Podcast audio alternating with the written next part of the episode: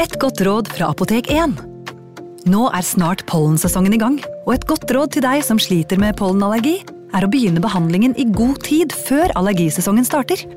Da får du nemlig enda bedre effekt av legemidlene, og så blir ikke våren din helt ødelagt.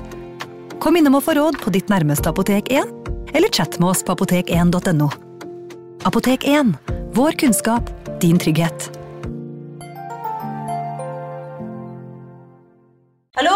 Jeg kommer fra Oslo politikammer. Ine Jansen er purk. Er du purk? The motherfucking bitch. Alt jeg vil, er å finne ut hva som skjedde med mannen min. Jon Carew. Er jeg sikta for noe? Iben Akeli. Det er du. Ole So, Lars Berrum og Big Daddy Karsten. Hvem sin side er du på, egentlig? Anette Hoff, Tone Danielsen, Kommer du fra Afrika? Jørnis Josef, Nesten. Kløfta. Trond Espen Seim, Det er synd å si det, men det var feil mann som døde. Purk. Premiere tirsdag på TV2 Play.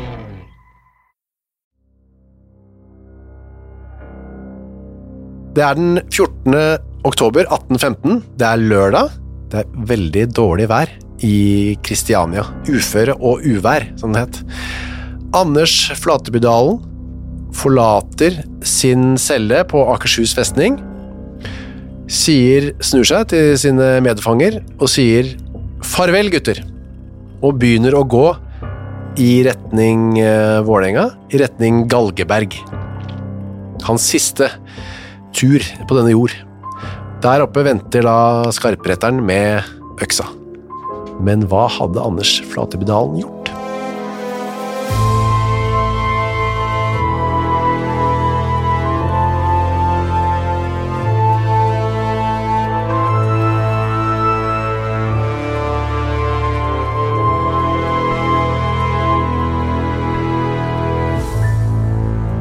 Ja, hva hadde denne Anders gjort, Torgrim?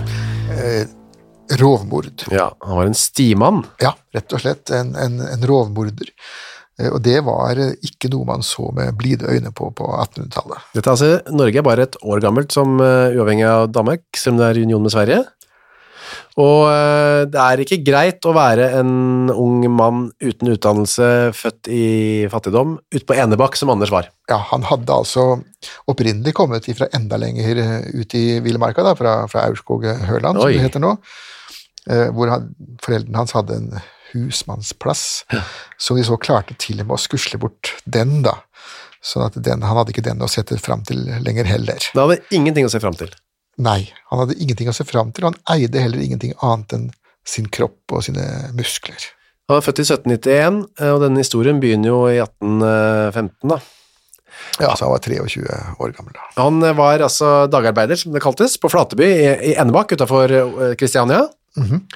som da var en slags sånn tjener, eller en trell, skriver jeg da, men en slaveaktig, ikke det da, men han var nederst på rangstigen. Han var veldig langt nede på rangstigen, og dagarbeider gikk ut på det at han skulle bare være der og gjøre forefallende arbeid, der sagt uansett hva det måtte være.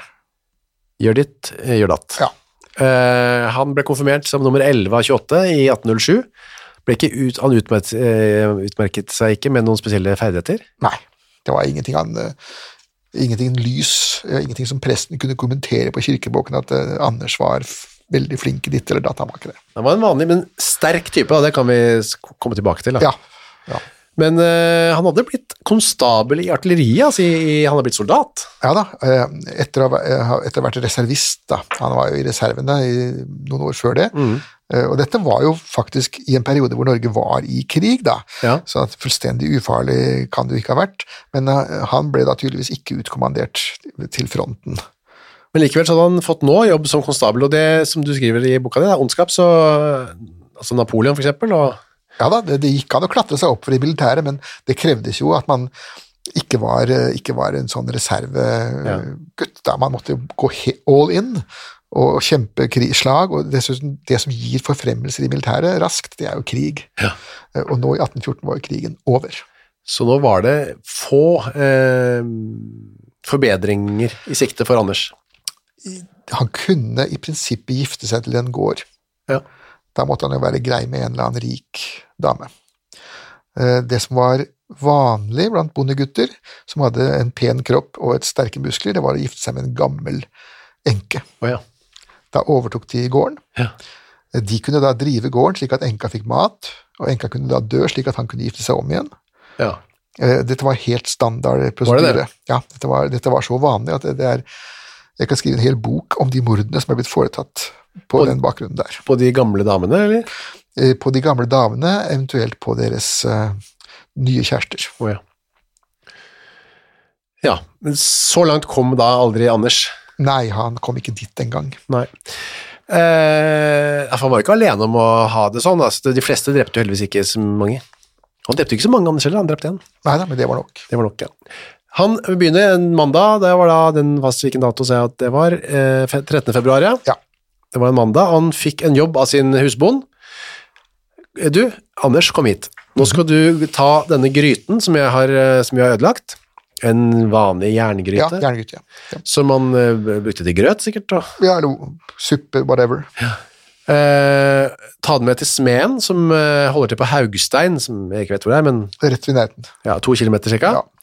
Eh, han skal reparere den, og så skal han lage to kramper i tillegg til sånne spisse jernbøyler, er det det? ja, som han skal bruke til et eller annet. Ja. Ikke nærmere angitt formål. Anders eh, hadde ikke Altså, det måtte han bare si ja til det. I utgangspunktet en helt grei jobb, det da, sikkert. Ja, det krevde jo ingenting. Han skulle bare ta med seg den gryta, bære den ned, få den reparert, gå tilbake igjen. Men å gå, da snakker vi om på snøen, på, til fots på snøen. 2000 skritt. Ja. Men det er uh, ikke ski, ikke Nei, truger, bare nei. til fots. Ja. Og jeg ja, for to kilometer for dem på den tiden var jo ingenting, da. Nei da, det var en liten utflukt. Ja. Da Anders kommer til Haugstein, denne gården, da, så er eh, smeden opptatt med å drikke sprit. Ja, han har, har ikke noen eh, hos seg i smia. Smia er tom, og smeden er full. For da Det var vanlig, det. Ja, de drakk fra de sto opp. De hadde den såkalte øgonøppnaren som de startet dagen med, og så hadde de sengesupen som de gikk til sengs med. Og i mellomtiden der så fløyt det rundt. Men så det var mange som levde hele livene sine i en alkoholhus. Ja, men det var jo ikke så lange liv, da. Nei, det var det, da. Så det at uh, smeden var drita på en mandag formiddag, det var ikke noe sånn man blir sjokkert over. Nei, det var eh, nærmest standarden, det. Fordi folk lagde hjemme- hjemme- altså brennevinet sitt hjemme. Ja, det var jo etter, etter at Norge ble fritt, så ble jo hjemmebrenningen også helt fri.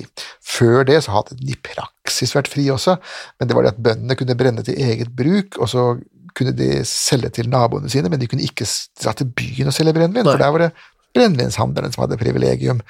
Men etter 1814 så ble det også sluppet løst. altså Vi hadde en sånn periode på en sånn ca. 40 år hvor vi drakk fra morgen til kveld. Men altså, man kunne ikke drikke øl, det var vanskeligere å lage, kanskje? Eller? Nei, nei, man kunne også, de drakk øl også, gjerne det, for all del. Men det var mye brennevin Ja, det var mye brennevin, for det gikk fortere. å drikke og å lage. Ja, og du ble fortere full. Fortere full, ja.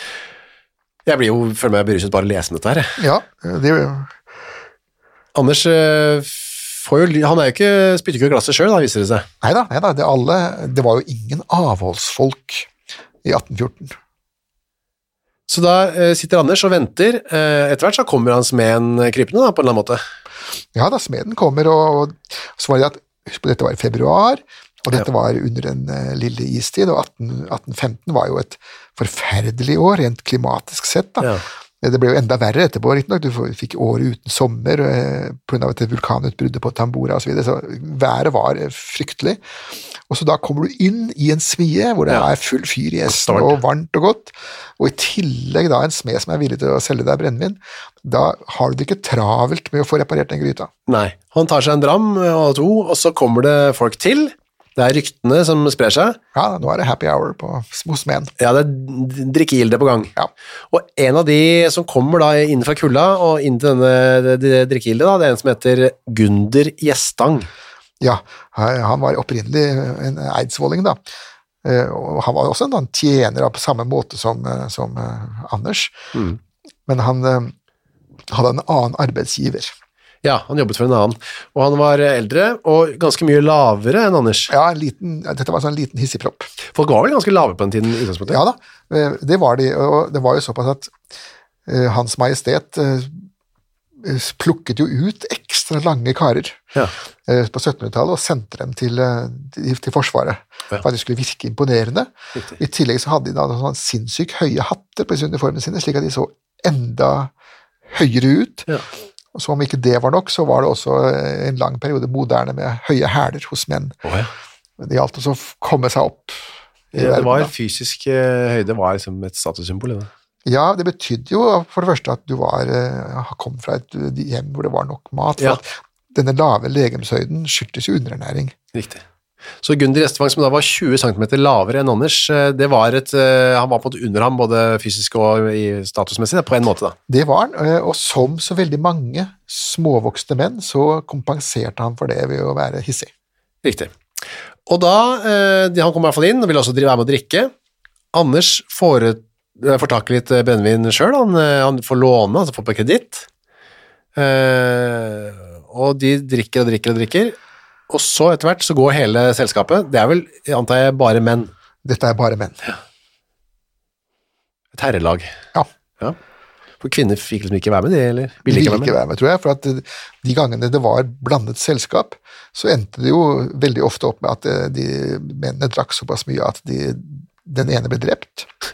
Eh, Og da måtte disse damene rydde opp i det kaoset, da. Det var jo også standard. Man, Ja, det var kjedelig for dem. Ja, det var brylluper, barnedåper og sånne ting endte jo ofte opp med at det var et nytt lik Sier du det? som måtte bæres hjem. Ja, knivstikking og slåssing.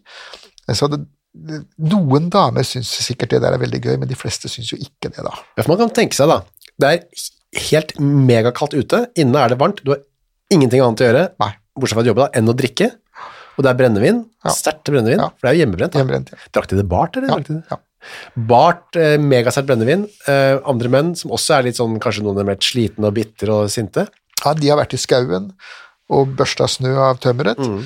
Og Anders han skal jo bare stå og se på at denne smeden gjør ferdig gryta. Han har ingenting å gjøre på han heller, annet enn å hive innpå med mer brennevin. Og til slutt så glemmer han jo hele oppdraget sitt. da. Glemmer alt annet. Det eneste Ja. som betyr noe er å... Og alle disse her hadde jo... Ja, det var mye våpen og tilgjengelige ting. Da. Det er ikke rart at det ble mye vold, da. Nei, alle gikk med tollekniv på seg. Eh, Det er til og med en del av eh, norske herrebunaden i dag i mange distrikter, så er jo at man skal ha en tollekniv i beltet. Så det er jo oppskriften på mye dritt, det der, da. Ja, det er det. Eh, Anders hadde vel ikke noen kniv, det vet vi ikke kanskje, det kommer vi tilbake til. Så de går det tomt da for eh, sprit og går videre, de blir en sånn gjeng de nå, så går de til en nabogård som heter Ovin. Ja, det er heller ikke så langt unna. Nå, bare, bare vandrer de av gårde på, på jakt etter et nachspiel. På Lykke og Fromme. Ja. Og der kommer de og går inn i varmen, og der viser det seg nemlig, og her blir det fatalt da for Gunder, for det viser seg at uh, sjefen der, Erik Ovin, skylder uh, arbeidsgiveren til Gunder, uh, som heter Anne på Estang, penger. Og det var ganske mye penger da. Ja, 200 daler. Ja, det var jo ikke lite. Nei, det var en, en substansiell sum. Du får kjøpt Den gangen fikk du kjøpt en god bondegård for 150. Ja, og og de pengene veksler da eier, eh, ikke helt da, men eh, Erik gir det til eh, Gunder, her, gi disse til Anne. Ja, og Det gjør han i vitners nærvær, nettopp for at han kan kunne si etterpå at 'jeg har Ja. nå betalt', i tilfelle Gunder skulle finne på å underslå pengene da. Hvilket han jo også gjorde, umiddelbart. Men Anders var en av de vitnene, og det var jo ikke helt eh, heldig da. Nei, man må, man må velge sine vitner, tror jeg. Ja, det tror jeg Med omhu. Og ikke bruke veldig fulle eh, sånne typer. Da. Uh, ja, som du sa, Gunder bruker noen av de pengene som han egentlig har fått på vegne av sin arbeidsgiver til å kjøpe tilbake fra Erik sprit. Ja, han, han begår et underslag der og da. Men det var som til lykke for alle som var der da, for da fikk de bare mer brennevin, og Erik Ja, fikk ja. mer penger. Så fikk jo Gunder heller forklare seg for Anne neste dag. Den tid, den sorg. Ja. Sola Sol har gått ned her nå, klokka er seks på kvelden, og det er eh, kaldt ute, det er eh, mørkt. Ja, det var nymåne den kvelden der. En sånn smal liten sygd. Ja, så det var jo så vidt det var noe lys, da, for som du har vært inne på, det var ikke noe, altså det var jo så vidt det var lys inne. Ja, eh, man måtte spare på, på lyset, og, og som sagt, eh, heller ikke Vår Herre hadde sendt noe spesielt lys, og den lille nymånen som var, var jo også dekt bak skyer, det snødde litt. Ja, det begynte å snø. Og ut i kulda med de da, når brennevinet på Ovin er tomt. Vi skal ikke gi oss ennå. Noen har gitt seg, men det har kommet noen nye, og de går til neste gård. Vandrer de arm i arm, kan vi se for oss, gjennom uh, mørket i snøen, Ja, på vei til neste uh, mulige drikkested. Da. Og de kommer til heter, et sted som heter Sikkerbøll. ja. Og der, eh, nå er klokka blitt halv åtte om kvelden. Og der begynner, nå begynner det å bli dårlig stemning. Ja, og det gjør de ofte i herrelag, mm. når eh, det er blitt for mye alkohol. Ja. Gamle kranglinger kommer opp, flyter opp til overflaten, eh, og som, som padder ifra tjernet, og begynner å kvekke.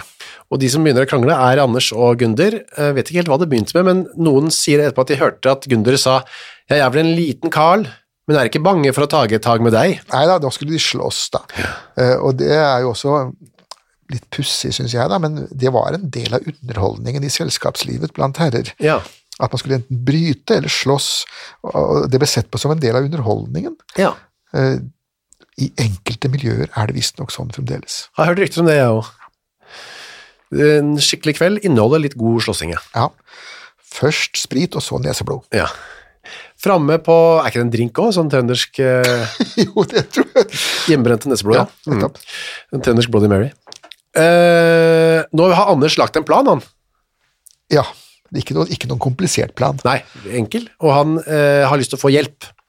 Og han eh, tar en som heter Lars Jacobsen, som er en eh, annen fattig frans, da. Ja. Som har vært i krigen, riktignok, men som nå ikke har noe sånn spesielt arbeid. Som man skulle tro kanskje også ville være med på denne onde planen til Anders, da. ja det gjaldt å, få en med seg, men, men han, Lars han var jo ikke interessert i det. Han gikk og gjemte seg, han. For det Anders spør, eh, først litt sånn eh, diskré, da. Vil, vil, om han vil, altså vil du det som jeg? Ja. Vil du det som jeg? Og han, Lars skjønner ikke hva han mener, han må si det flere ganger. Vil du det som jeg? Eh, og så må han si det rett ut, og da blir det sagt, la oss ta pengene fra Gunder Gjestang, og om det gjelder, slå ham litt. Ja. Det er det Anders spør om Lars vil være med på. ja, for at Gunder ville jo ikke gi fra seg de pengene frivillig. Da. Nei, det nei, var ikke det det var snakk om, tror jeg. Og det som du sa, ja, Lars sier nei takk, og løper og gjemmer seg og låser døra. Men han advarer ikke Gunder Gjestang. Nei, det burde han gjort. Det hadde vel vært det riktige moralsk sett, tror jeg. Da hadde kanskje historien blitt en annen. Det er slutt på brennevinet på Sikkerbøl òg, og da er det mora over for selskapet. De tenker at nå gir vi oss, og alle drar hver til sitt, bortsett fra da Anders og Gunder. De skal, ta, de, de skal samme vei. samme vei hjemme, hjem, og går da over noe som heter, kalles for Gjestangjordet. Det kan tenkes at det er utenfor det gården han bor på. Ja, det han var ikke langt unna der hvor han skulle være. klokka ni på kvelden, og da går de altså over dette jordet, det snør, som sagt, det er helt mørkt, det er de to ganske, formoder vi, drita mennene går bortover. Ja. Anders har fremdeles denne gryta, da, som han har, eh, den klarer han å huske faktisk, Ja da, den er nå reparert. ja, enn så lenge. Så han tar et skritt til siden, lar Gunder gå litt foran, og så smeller det. Ja. Han eh, tar rett og slett gryta og holder den i, i kanten, sånn at det, det blir som en slags øks, og smeller ned på, på Gundre Gjestangs hode, og han gjør det gang på gang på gang, mm. selv etter at Gjestang har falt i bakken. Eh, Til slutt så går da gryta i stykker igjen. Ja. Reparasjonen til smeden tålte ikke den slags atferd, da. Eh, Et av slagene trenger inn i hjernen, kan man lese senere. Ja, det, det var eh, absolutt dødelig. Det som er ehm, eh, litt sånn eh, skjær i sjøen for eh, Anders nå, er at det kommer en type gående. En type som kjenner dem begge. Fetteren til Anders, nemlig Ole Omberg. Ole Omberg, ja, som påsto seg senere å være fullstendig dauert. Ja. Eh, en påstand som vel ikke stemmer helt, Det kan, man kan få inntrykk av det. men han gjorde seg dauert. Han kommer i hvert fall gående, kan tenke seg at han skal hjem og slappe av, og der kommer han i mørket der, så ser han da fetteren stå og dundre en gryte inn i, inn i hjernen på en stakkars bevisstløs type. Da. Ja. Så blodet spruter. Ja. Og det han gjør da, han prøver ikke å stoppe det, han blir jo redd da, det er ikke så rart det kanskje, så han går en omvei, og blir gjenkjent. Anders roper, er det ikke Ole? Nei, roper han. Han svarer ja, Ja, ja, ja faktisk. Ja. Og, svarer ja, og pigger av gårde så fort han kan, hjem og låser døra. sagt nei da, det har jeg gjort. Eh, han trodde de var fulle mennesker, sier han etterpå. Ja, det var det jo òg. Det var det, ja. Så han løper hjem og sier til kona si ehm, Anders Dalen, altså det er jo den samme vår, ja. spoler nok mot ulykken. Han holder på å slå Gunder i Gjestang så blodet spruter ut av ham. Jeg måtte ta benene fatt, ellers hadde han nok taget meg òg. Ja, og det var vel en god nok forklaring på at han stakk av. Ja, det er jo ikke rart, da. Vel, tilbake igjen hos uh, Gunder Gjestang, som faktisk ikke er død nå. Nei, han er døende. Ja. Han tar ut eh, Anders av lommeboka hans med pengene som han hadde sett, og drar det ut av der hvor han har gått, og legger det der, men så tenker han, skal jeg grave det ned? Nei, jeg trenger ikke, det snør. Ja, så han, han regner med at snøen vil dekke over liket i løpet av eh, dagen, og så smelter den snøen ned i april, og da er han fordufta for lengst. Long gone, ja. ja. Så, men han har ikke helt lyst til å liksom, ta kvelden ennå, Anders. Nå har han jo masse penger. Ja, nå har han masse penger, og så nå kommer kjønnsdriften hans fram. Ja, ja. Det er en helt vanlig kveld, dette, bortsett fra det drapet. da. ja. ja, ja. Det, Så- det, det, nå skal han ha det moro. Så nå drar han tilbake til, til Ovin, da, hvor disse pengene kom fra. Og da går han inn til Bare gå bare, bare rett inn der, da. Skulle Ja. gjorde det? Ja, man, man gjorde det. Altså, det, dette ble kalt for såkalt natteløperi, da, eller ja. nattefrieri. Eh, hvor det var eh, unge gutter gikk inn til unge jenter som, Ja. som lå og sov. Ja. Eh, men de foretok seg jo, eh, iallfall i prinsippet, ikke noe med dem. Nei. Det var en norsk skikk, og den var såpass særnorsk at flere av disse danske sorenskriverne kommenterte på det i dommene sine og måtte skrive, skrive en liten fotnote at Ja. slik gjør man faktisk i Norge, det er jo helt fantastisk. og Ja. Flott, liksom? Eller? Nei, ja, de mente jo det var umoralsk og, at de skulle få besøk av herrer om natta. Men som sagt, det, det, det var helt tydelig at dette var ikke noe som var vanlig på kontinentet. Men bare i Norge. Men, så da gikk man bare inn, og det trenger man ikke liksom be om lov, man bare gikk inn. Ja, Så kunne man til legge seg i senga hos sin utkårede, men man måtte jo sitte oppå dyna. Og var det en regel? ja? Ja, man måtte ikke gå, Hvis du gikk under dyna, eh, da hadde du gått over en grense, da. Ja, så og da- den grensen var det mange som gikk over. Ja, særlig drita sånne unge menn. Ja, og gjerne menn i sin beste alder, proppfulle av eh, testosteron og sprit.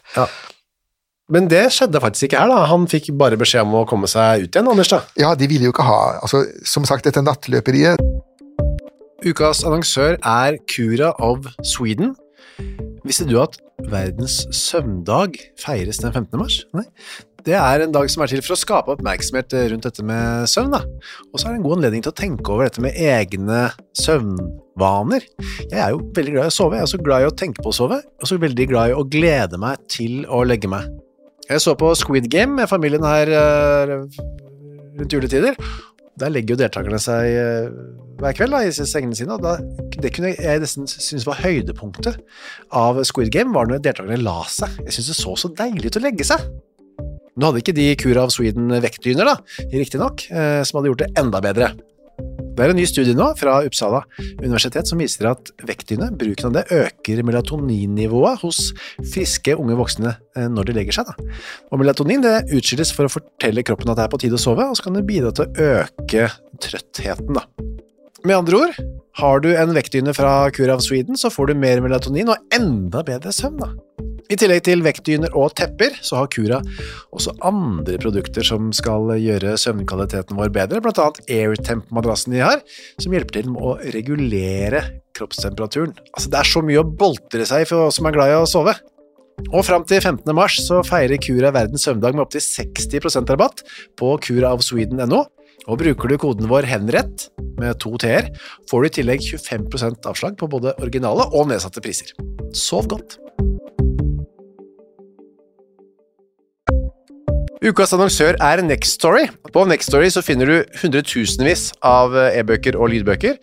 Du finner folk som jeg har uh, intervjuet og snakket med, og liker bøkene til. Agnes Ravatn, hennes siste bok. Gjesten er der. Nina Lykke, sin siste bok. Vi er ikke her for å ha det morsomt, er der. Og så er det jo det er krim, biografier, essays, eh, romantikk, savnhistorier, barnebøker, faktabøker, spenningsbøker, science fiction. Alt mulig du kan tenke deg. Og også bok av uh, Torgrim Sørnes. De henrettede igjen, Ondskap, eksempel. Det er da uh, Torgrims gjennomgang av en del av sakene fra 1800-tallet, som endte da med halshugging, da, som de gjerne gjorde. Uh, for eksempel Kristoffer Svartbekken, denne snikmorderen fra um, Elverumsdraktene, som pryder også coveret, ser jeg, skummel type. Eller da, som sagt, forferdelig mye annet. Gå inn på nextstory.no skråstrek henrettelse registrer deg der, så får du seks uker gratis tilgang til nesten uendelig mange bøker. God fornøyelse. Det forutsatte jo at den jenta som fikk besøk, hadde lyst på det besøket, Ja. og at vedkommende var noenlunde sober. Og han var, jeg kan tenke seg han var kanskje litt blodig, da, uten at det ble nevnt her. Blodig, eh, stinker sprit, Ja. eh, og hadde vel et rykte på seg for å være blakk. Ja. Så var ikke noe særlig å ha oppi senga si midt på natta eller? Nei, han var vel ikke svigermors drøm, Nei. sånn sett. Og han blir kasta ut, og det han gjør som han får beskjed om, Anders her, da. Går eh, hjem, trasker hjem Ja, med da den ødelagte gryta, gjemmer den under huset og lommeboka i vedskjulet før han går og legger seg. ja. Mens han ligger og sover, så slutter det å snø. Tabbe nummer to. Ja. Og men han våkner av dagen etter, og da kan vi jo gjette oss til at den morgenen var ikke noe særlig hyggelig for Anders. Nei, det, det var jo eh, bakrusen, da. Og i tillegg til bakrusen så dukker jo etter hvert sikkert opp hva var det egentlig jeg gjorde i går. Ja. Og kommer det noe glimt av den gryta inn i hjernen da. Ja. Han sier i hvert fall at han har hodepine, det klager han over da, og sier at han aldri skal drikke brennevin igjen. Nei, den har vi sikkert alle hørt før. Det har vi hørt og sagt kanskje også, noen av oss. Ja, ja. Eh, I mellomtiden har liket blitt funnet da, av to smågutter. Og eh, han Arnesen, lensmannen, ble til- tilkalt, og eh, kroppen blir ransaket, og pengene er stjålet. Og da er det jo å begynne å være detektiv, da. Nå var ikke Ja. det så veldig vanskelig. Nei, for det dette var jo et mord som var begått i offentlighetens eh, lys, da. Halve Enebakk hadde jo sett at de to gikk av gårde, og så kommer den ene levende hjem, og den andre dau. Ja. Så legger man jo to og to sammen, og det blir fire hver gang. Eh, hva var det som var fellene her? Var det Ole Omberg, ja, han som sånn fetteren? Ja, han som hadde, som sagt, observert det hele uten å, uten å gripe inn, da. Først så prøver han å si at han kan ikke huske det, altså gryten stemmer, men han husker plutselig ikke noe. Han hadde sagt blackout, eh, forteller han først til Anders. Ja, um, det gjør han. Men så, um, så obduserer jo liket, da. Ja. Eh, Det var en, en sånn um, distriktskirurg som gjorde det. Og det han beskriver her, det var at um, han hadde fått et slag på tinningen, altså foran eh, øret. Eh, Der, eh, hvis du gjør det, så får du en såkalt epidural eh, hematom. Det tar livet av deg i løpet av noen timer, Ja. ubehandlet. Så hadde han fått et slag som var helt inn i selve hjernevevet. Det vil også ta livet av deg, men i løpet av noen dager. ja. Eh, Sånn at ingenting av det som denne distriktslegen beskriver, eh, tok livet av Gunder Gjestang der og da. Så det som skjedde, var at han ble slått bevisstløs, eh, og så frøs han i hjel i snøen. Ja. Så hvis denne vitnet da, hadde vært såpass forsynlig at han istedenfor å stikke hadde dratt liket, eller den døende mannen, inn i stua si, så hadde han iallfall levd noe lenger. ja, men han hadde dødd. Han hadde nok dødd, ja. Ja. Det var det. I dag skulle man kunne redde en sånn person, Ja. men da var det dødelig. Ja, og han blir jo sett av Ole og sånn, så det blir jo da ikke noe å lure på etter hvert. Og Ole sier også etter hvert at Anders hadde sagt kan du ikke være stille? Jo, Eh, han forsøker å få vitnene til å holde snevla, da. Ja, og det sier, da sier han kjære broder, det jeg vet må jeg sie. Ja. Og da sier Anders jeg kan tie. ja, og det kunne ikke han heller. Nei, han klarte ikke det da. Nei. Så da var det egentlig bare å tilstå til slutt. Ja, øh, han måtte jo bare det, for han kom i den samme situasjonen som så mange andre, at hvis du først begynner å lyve og blir avslørt, så blir det vanskeligere og vanskeligere å bli trodd på noe som helst, annet enn en sannheten, da. Det fine med sannheten er jo at den er mye enklere å huske. Ja. Det er det. Og så får da han forsvarer, en som heter Snitler, prokurator Snitler fra Skedsmo. Ja, han prøver å skylde på at han var eh, alltid ble sånn i fylla, han eh, Anders. ja eh, hvilket da Det var jo et hel, helhjertet forsøk, men det var bare et forsøk, for det var jo masse vitner som kunne si at de de hadde sett Anders full støtt og stadig, og han var som regel blid og fornøyd i fylla. Han, han var en av de som, som ble litt godt humør inntil den skjebnesvangre dagen, da. Hva var det som skjedde? Var det at han eh, hadde fått nok da, liksom, fattigdom, eller var det at han ble ja. irritert på Gunder? Det var en blanding, eller? Det Ja, det var vel en blanding av det. Han, han kunne aldri si det helt, men han, han sa veldig mye merkelig, eh, Anders, under denne, dette forhøret da. Eh, Blant annet ble spurt hvorfor hadde han slått den gang på gang på gang. Ja. nei, Det var fordi han, han, hadde, han mente at han hadde drept den ved det første slaget. Men så slo han en gang til for å gjøre pinen kort. Så at de to, de to utsagnene henger jo ikke sammen i det hele tatt. Så helt tydelig at Anders fant da på ting etter hvert som tiden gikk, bare for å ekstemporere. Han visste kanskje ikke helt selv. Han ble tatt av den der blodrusen som vi har sett eh, flere blir da. Ja. Når det først har begynt, så overmanner de seg en eller annen sånn der eh, blodtørstighet. Som, Man klarer ikke å stoppe. ja, som å ta potetgull, er det ikke det du sier? Ja, blodtåke. blodtåke. Først bare ta igjen, så klarer du ikke det der. Der har posen tømmes. Eh, han, eh, forsvareren klarer ikke å få han fri da, så han blir dømt. Ja da, han på, Schnittler prøvde også å dra fram et arr som Anders hadde i panna, lurte på om han kunne ha en hjerneskade. Og, det, det Schnittler forsøker å få fram, det er det som kalles for patologisk rus i moderne rettsmedisin. Da, at, du, At du drikker en moderat mengde brennevin, og så sier det klikk i huet, og du blir slags bevisstløs uh, i gjerningsøyeblikket. Det het jo ikke det den gangen, men han, det er helt tydelig at det er det han forsøker å bygge opp til, men det var såpass mange andre vitner som kunne si at det, det der arret der han fikk jo han da han var guttunge, Ja. og han har ikke reagert noe på det før, og han har vært full så mange ganger, dette har aldri skjedd før. Og dermed så falt jo det forsvaret bort. Forsvareren ga opp, står det. Ja, det var ikke mer å hente, annet enn for salæret sitt. Ja, 40 daler. Ja. Det var mye, det. Ja da, ja da. Eh, Advokater har jo ikke venner, vet du, de har, de har saker. Ja, sånn er det. Så da var det ikke så mye å lure på, men uh, han var jo for uh, militær, da. han var jo, som vi hørte, konstabel med Anders Blitt. Ja, og da var det slik at uh, fra midten av 1600-tallet og fram til the bitter end, så var militæret egne domstoler. Ja. Hvis du var, selv om du bare var reservesoldat, og, så skulle du da dømmes ikke bare av militæret, men også da av en militær rett og etter militær lov. Og denne retten besto da av en hel haug med militære, selvsagt, og så skulle de, etter at saken var over, så skulle de da stemme to menige, to underoffiserer, to offiserer, og så to høyereoffiserer. Ja. Så at hele rangordningen skulle representere, alle skulle stemme.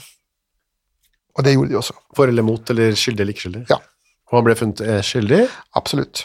Og, men ikke som for mordet som morder, men som stimann. Som stimann, ja. Altså en som ligger i skjul. Nå gjorde jo ikke han det, han gikk jo tvert imot. eh, Hadde han enda vært i skjul, så hadde jo ikke dette skjedd. Nei, det var jo ikke helt, var han en stimann, en landeveisrøver, han var vel ikke det?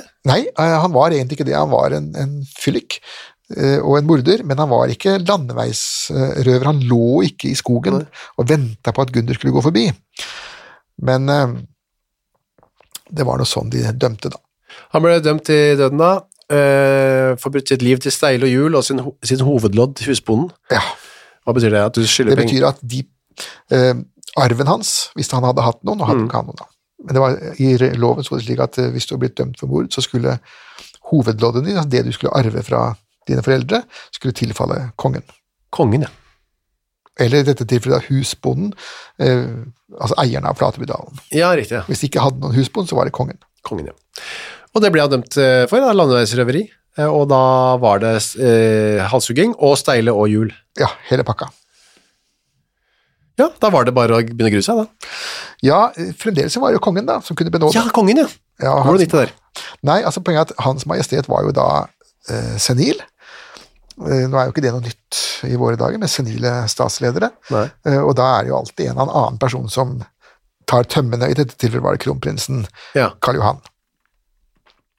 Og Karl Johan eh, litt, han var litt hardere i klypa. Dette var jo tross alt en, en av Napoleons gamle marskalker. Ja. Eh, Sånn at denne snille og gode, senile gamle Karl 2., han hadde ikke så mye han skulle sagt, men Karl Johan tok over, da. Og i tillegg til å være gammel eh, marskalk, så kom han også fra en familie av advokater, så den ja. fintfølelsen var ikke veldig høy, da. Sånn at han godtok eh, dommen. Og da kunne Anders bare begynne å Grue seg. grue seg. Ja, Han ja han satt på Akershus. ja, satt, eh, satt på Akershus eh, i og med at han var militær, da. Altså, vi sitter jo på Akershus nærmest nå og spiller denne podkasten. Ja. Så det er vel et bitte lite steinkast herfra. Ja, og, og faktisk er, faktisk er retts, selve rettssaken ble holdt uh, i den såkalte mynten. Ja, Hvor er det Det er jo uh, på andre siden i, i bånn på festningen. Ja, vi er jo i Myntgata nå. Ja. Riktig. Og der eh, var det da, sa 14. oktober 1815, forlot han eh, cellen og sa farvel gutter til kompisene sine Ja, I et grisevær så måtte han da spasere oppover til Galgeberg. til Galgeberg. Det er jo et godt stykke å gå, altså det tar jo sikkert eh, tre kvarter å gå, eller noe sånt. Ja, og så er det jo oppoverbakke. Men gikk han, han gikk selvfølgelig ikke alene, men hvem gikk han sammen med? Eh, Det var det at han måtte jo da ha noen som skulle vokte seg, mm. og det var jo soldater, i og med at dette var en militær eh, Ja. eksekusjon. Den som ikke skulle gå sammen med han, det var jo presten. Oh, ja. Det var forbudt, det har vært forbudt fra 1751 av. Ja. Så denne presten som skulle være hos ham på skafottet, han måtte gå en omvei. Hvorfor kunne de ikke gå sammen? Eh, Det var fordi at før 1751 da, så hadde jo folk sett den domfelte gå med presten ved siden av seg. Ja. Og da hadde det dannet seg en forestilling blant folk om at denne domfelte kom til å gå rett i paradiset. Aha. var fullt av presten. Og, da- At det var bra, det. ja, eh, og for å få vekk denne overtroen, så bestemte kongen at eh, presten skulle ikke vise seg sammen med Den domfelte han skulle gå en annen vei til dette stedet, og så skulle han dukke opp der. Måtte, måtte gå enda lenger, han stakkars Ja. Men han kunne nok sannsynligvis ta en eller annen form for hest og kjerre. Så da gikk han, eh, kan vi tenke oss, eh, omringet av soldater oppover her, eller? Ja. Omringet av soldater gikk han oppover til Galgeberg, og det Galgeberget som var den gangen, var jo litt mer av et berg enn det som er nå. da. Ja. Nå har de jo gravd ut en gate der og, og planert.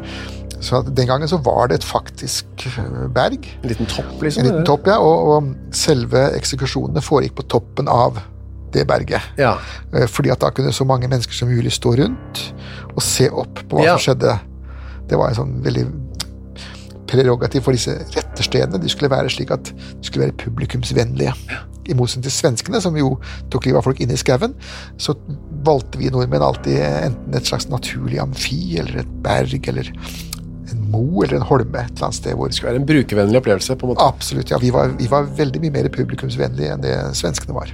Men eh, det heter jo Galgeberg, men det, når eh, han stakkars eh, Anders endelig kom opp, det sto ikke noe galge der. Galgen sto der hvor den flaggstanga er nå. Ja, galgen, ja. Ja, Men han skulle ikke henges. Nei, han skulle ikke henges, han skulle halshugges. Det siste mennesket som ble hengt her i landet, det var på Galgebakken i Kongsvinger Ja. på 1769. Eh, Da var det en svensk landeveisrøver som ble hengt der, og etter det så har ikke vi hengt folk her i landet. jeg sier det er så lenge siden. Ja, Det var jo takket være Struensee, Ja, som, som fikk eh, fjernet eh, det var Hengning var jo for tyveri, da. Og han fikk fjernet den straffen, eh, og den kom aldri mer tilbake. så det var ikke en galge, men det var et, en blokk, da. Ja, det var en, en blokk. og Disse blokkene som de, det var egentlig, kunne like gjerne være en stubbe som de hadde tatt med seg. Det var bare et, et eller annet som øksa skulle falle ned mot uten å bli ødelagt. Det var det bygget opp et skafott som man kunne Ja, det var vel bygd opp et skafott fordi at soldatene skulle stå rundt der. Og, Ja. og de gangene man halshugde folk uten skafott, og dette var jo, dette var i februar eh, Det har vært gjort noen forsøk på å halshugge folk med øks uten å bruke skafott, og da har det hendt at eh, bøddelen har sklidd Uff da. på det glatte, glatte snøret. i snøen, ja. Ja, idet han eh, hogger ned. Ja. Eh, Det skjedde jo med han danske Seistrup så seint som på slutten av 1800-tallet. At han da bomma og hogde armen av den dømte istedenfor huet. Det er ikke noe særlig. Eh, Så at de skafottet var jo der for at bøddelen skulle ha noe solid å stå på. Ja. Også for at folk skulle se bedre, og pluss at det skulle være da en sikkerhet mot rømming. da. Og det er altså der, der kan folk reise opp eh, den dag i dag, og kanskje de bor der allerede. Se på denne flaggstanga på Galkeberg. Rett over det er noen sånne, en pizzasjapp og litt sånn forskjellig under der. Men pub også. Pub, ja. Da sitter man nærmest der hvor han mista hodet sitt. da. Ja, det, det var jo, det var jo um, Anton Ledel, vår gamle venn, som, Ja. som sto for denne bragden her. da. Han gjorde det jo, gjorde det jo veldig bra. Han var jo en, en, den gangen så var jo han i sine beste år. Eh, Ble jo ikke så heldig Etter hvert, etter hvert. Det, det skar seg til slutt, da. Heldigvis for Anders så var han han on top of his game på dette tidspunktet. Ja da. Og var det noe som spesielt skjedde før? Han sa noe eller noe sånt? Var det, har vi noe der? Det var det at uh, Han sa jo dette 'farvel, gutter', da. det var det siste han sa. Ja, helt ned på Akershus. Men så det ble en, sånn, en viss sånn der stollek, som det heter, da, musikalske stoler, om hvilken prest som skulle Ja. være der og hjelpe ham. Og det, det var jo eh, Pavels som var den som egentlig hadde oppgaven. Eh, han hadde ikke noe lyst til å gjøre det der. Det hadde i grunnen ikke prestene stort sett. De prøvde å dumpe det over på en kapellan. Så presten han eh, skrev da i dagboken sin at han ville da overhodet ikke ha noe å gjøre med en lumsk, feig og egennyttig karl som uten religiøs eller moralsk følelse, i dorsk apati, har gått sin vei frem, og som ved sin brøde ei kunne tenke opp noe annet enn usle og nedrige hensikter. Ja. Så han ville ikke ha noe med en sånn dårlig persons hendelse å gjøre engang. Nei, og det kan du jo spørre om, var dette spesielt kristelig sagt, da? Nei. Så han eh, me- me- meldte seg rett og slett av? Ja, han meldte seg av, og så ble det da Pavels. kapellan Borch da, som hadde Ja, det var Borch, ja. Det var Ja. Pavel som meldte seg av. Eh, Som det jo heter i det offentlige, dritt renner nedoverbakke. Ja. Eh, Og i dette tilfellet så havna det jo da hos kapellanen. da. Borch, da han eh, kom opp der, eh, Anders la hodet på blokka. Um, vi vet ikke hvor mye folk som var der, men det kan regne med at det var en del, da. Det må man regne med at det var, ja. Blant annet så var jo soldatene sikkert også utkommandert. Ja. Og eh, Borch sto med ryggen til. Ja, de gjør alltid det. Hva gjør de det? De vil ikke se. Det er derfor det sitter på gående seg sjøl, er det det?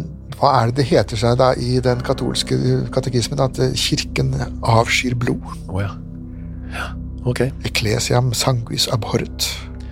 Så da står han Borch og leser eh, Fader vår, får vi anta, med ryggen til, Yep. og Ledel i løpet av den bønnen smeller øksa i halsen, nakken, Ja. og, og det gikk som ja, det skulle gå, det. Mens, eh, mens denne såkalte rakkeren, da, nattmannen, han sitter da på huk Og holder. foran og holder den i øra. Og plopp, så var hodet av. Yep. Og da var det opp. Han ble jo dømt til å ha i hodet på øh, sånn steile. Ja. Eller at hodet skulle på stake, og så Stake. kroppen på steile. Sånn. Denne steilen er jo også en slags stake, da. Det som, det som var, var at det var to, to staker. Og de var gjerne en sånn to meter over bakken. Såpass høyt opp. Så de måtte bruke en liten stige. Mm. Og så tar de da en spesiallagd eh, spiker, som kunne være en fot lang, og spikrer hodet fra toppen Ja. og ned i, i um, planken. Så tar de da et vognhjul, og så legger de den hodeløse skrotten på det vognhjulet, surrer det fast med tau, heiser de også opp på en stake. da. Det, der var, det var steil og hjul. Ja. Og det ble gjort med Anders. Det ble gjort med Anders, ja. Eh, han var den siste som endte sine dager på Galkeberg. Ja. Da bodde jo ikke folk sånn i umiddelbar nærhet her, kan vi være glad for kanskje de, da.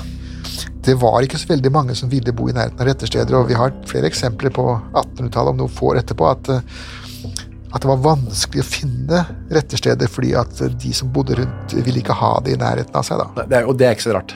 Nei, eh, det er ikke det, og av og til så, så ble det såpass ille at eh, man nærmest måtte gå på, på tiggerferd blant bøndene for å finne noen som var interessert i å Ja, hadde seg. Ja, De hadde en henrettelse i Bærum da, i, i, på slutten av 1840-tallet. Peder Ringeneie. Eh, Da hadde de tenkt å henrette ham på Kadettangen. Oh, ja. Men da var de bøndene som bodde der, de protesterte vilt. De ville overhodet ikke ha sånt eh, hengende der nede. Nei. Så det endte på at de måtte gå langt ut på landet og finne en eller annen som mot penger var villig til å ha på sin eiendom. da. Ja, for En ting er at uh, det skjer der, men at han blir hengende der sånn i lang tid etterpå, det er ikke noe særlig Nei, og det, det sluttet de også etter hvert med, da, som tida gikk. at det, Befolkningen ble litt mer fiendtlig. Ja. Og da, eh, det som er interessant, eller veldig artig her, er jo at uh, du skriver at uh, man skulle grave, kanskje bygge da, på Galgeberg i, i 30 1930-årene. Ja. Så fant man en hodeskalle omtrent akkurat der hvor Anders hadde Ja, hodet hans falt ned. Den hodeskallen er jo gått tapt. Den er blitt borte. Hadde Men- en mynt i munnen. Ja, den hadde en mynt i munnen, og det er jo veldig pussig, men det var en veldig gammel mynt. Ja. Uh, så ikke var gangbar, var jo en av de gamle fra dansketida. Det er en tre-fire personer som kan ha vært tenkes å være Den hodeskallen. Ja, det, det er jo Anders var den siste, men han var jo ikke den første. Uh, så det er jo flere hodeskaller, men det kan også godt tenkes at det var hans, men den er altså da gått tapt. Så vi vet ikke, Man kunne jo ha telt tenner og sett etter ja. Hvor gammel var det? Ja, funnet ut hvem dette var, men den, den er da som sagt blitt borte. Synd. Men den, den mynten i munnen, det var altså noe som man gjorde med folk for at de skulle ha noe å betale ferjemannen med. Ja. Eh, Man ser jo hele tiden for seg at dødsriket er på den andre siden av et eller annet. Mm, en elv, ja. En elv eller en bro eller noe sånt. Eh, Finnene har jo den her Tuoni-elven da, som går over til dødsriket Tuonela, og vi hadde jo Jallarbrui og vi hadde Styx i den greske mytologien. Ja, ja. Og denne ferjemannen må jo ha betalt. Han skal jo ha penger. Men de pengene ble jo liggende i de der hodeskallene. Jeg skjønner ikke helt logikken der heller. Men... Nei, det kan du godt si, men det, nå var det vel ikke så veldig mye logikk i Nei, det var vel ikke det som var. Dette var jo myter og direkte handling. Så det var for at de skulle komme seg liksom vel fram. Ja. Ikke bare gå der som hvileløse ånder, for da gikk de jo igjen og plagde de. Ja, det er det, ja. de Men altså, den hodeskallen med den mynten, man aner ikke hvor den ble av. Nei. Det kan jo godt være at det sitter en eller annen på Galgeberg med den hodeskallen på hylla. da. Jeg spurte i sin tid en eller annen eh, arkivar eller antikvar, tror jeg, eh, om om det var lot seg gjøre å finne ut hvor den var hen, og da sa hun det at i 1930-årene så brydde de seg null om sånne ting. Bare De bare, de bare pælma det. Og, men, men man vet aldri. Det kan være under den flaggstanga at en Anders ligger der fremdeles. Eh, Det kan ligge mer der, iallfall. Ja. Det kan ligge flere der. Det var, det var jo eh, Galgeberg har vært i bruk i mange, mange mange år. Det er bare å sende ut barna det med spade og bøtte og spade. Ja, og tålmodighet. Det var den historien. Eh, takk for denne uken, Torgrim. Vær så god. Vi høres om en uke.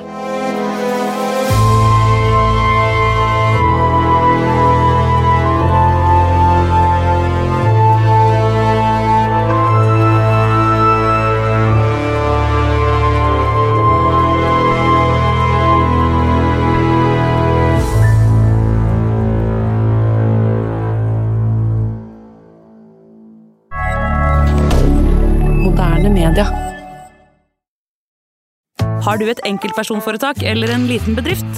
Da er du sikkert lei av å høre meg snakke om hvor enkelt det er med kvitteringer og bilag i fiken, så vi eh, gir oss her, vi. Fordi vi liker enkelt. Fiken superenkelt regnskap. Hei, takk for at du hører på Henrettelsespodden. Skulle du ønske at du kunne høre en ny episode av denne podkasten hver eneste uke? Ja, da er det bare å laste ned podkastappen Untold med en gang. I tillegg til at du får da Henrettelsespodden en gang i uka, så får du andre ukentlige podkaster som Historiepodden, True Crime-podden og Gangsterpodden, for å nevne noe. I tillegg til masse annet reklamefritt og eksklusivt innhold, blant annet noen godbiter, da, signert Torgrim og meg. Last ned Untold i AppStore eller på Google Play, og start din 30 dagers gratis prøveperiode i dag.